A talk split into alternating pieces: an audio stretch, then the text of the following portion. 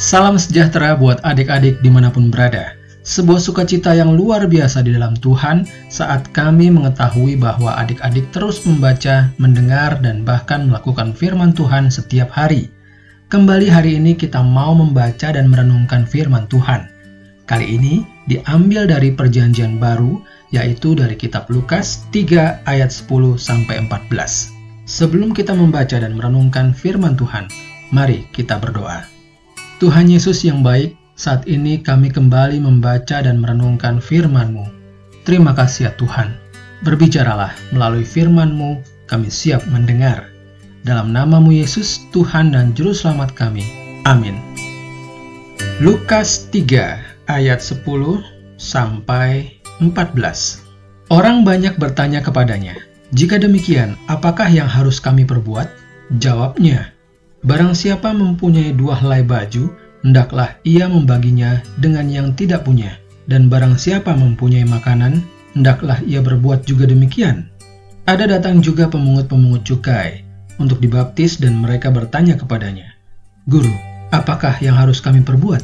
Jawabnya, jangan menagih lebih banyak daripada yang telah ditentukan bagimu dan prajurit-prajurit bertanya juga kepadanya, "Dan kami, apakah yang harus kami perbuat?"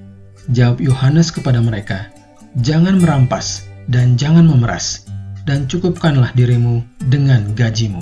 Demikianlah firman Tuhan hari ini. Adik-adik, fokus kita hari ini terdapat pada ayat 11 yang berbunyi, "Jawabnya, barang siapa mempunyai dua helai baju, hendaklah ia membaginya dengan yang tidak punya. Dan barang siapa mempunyai makanan, hendaklah ia berbuat juga demikian.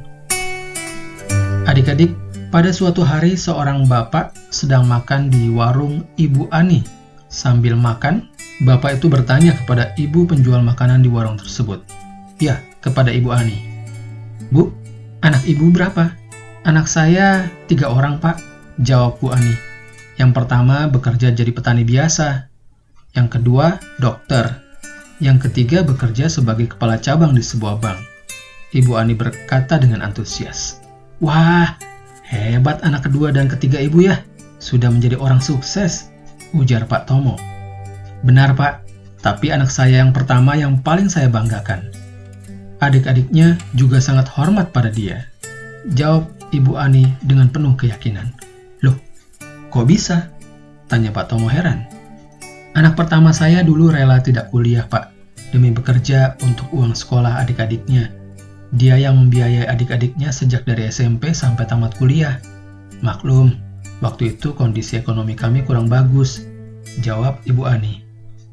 Benar-benar luar biasa anak ibu yang pertama itu ya. Dia rela bekerja agar adik-adiknya bisa sekolah dan menjadi orang sukses, kata Pak Tomo. Adik-adik, dari cerita singkat tadi, kita belajar bahwa setiap anggota keluarga memiliki peran dan tanggung jawab masing-masing. Demikian juga anak-anak adalah lebih baik dan Tuhan pasti senang kalau sesama anggota keluarga saling tolong-menolong, saling bantu-membantu, bukan saling menjatuhkan dan bahkan bertengkar. Tuhan mengajarkan kita melalui firman Tuhan hari ini adik-adik. Dia memberikan setiap kita talenta dan kemampuan yang bisa dibagikan yang bisa diberikan untuk membantu saudara kita. Coba adik-adik pikirkan dan renungkan. Apa kiranya yang bisa kalian berikan atau lakukan untuk membantu saudara kalian, baik kakak ataupun adik? Yuk, kita sama-sama bertekad hari ini. Aku mau selalu menolong saudaraku. Aku mau selalu menolong saudaraku. Mari kita berdoa. Bapa di surga, berikan kami hikmat dan kemampuan untuk dapat melihat dan merasakan jika ada saudara yang membutuhkan bantuan. Mampukan kami untuk dapat membantu mereka. Terima kasih Tuhan. Dalam nama Tuhan Yesus, amin. Demikian adik-adik renungan kita pada hari ini. Semoga adik-adik tidak hanya membaca dan mendengar dan merenungkannya, tetapi juga memperkatakannya dan melakukannya dalam kehidupan adik-adik sehari-hari. Sampai besok di renungan harian selanjutnya. Shalom.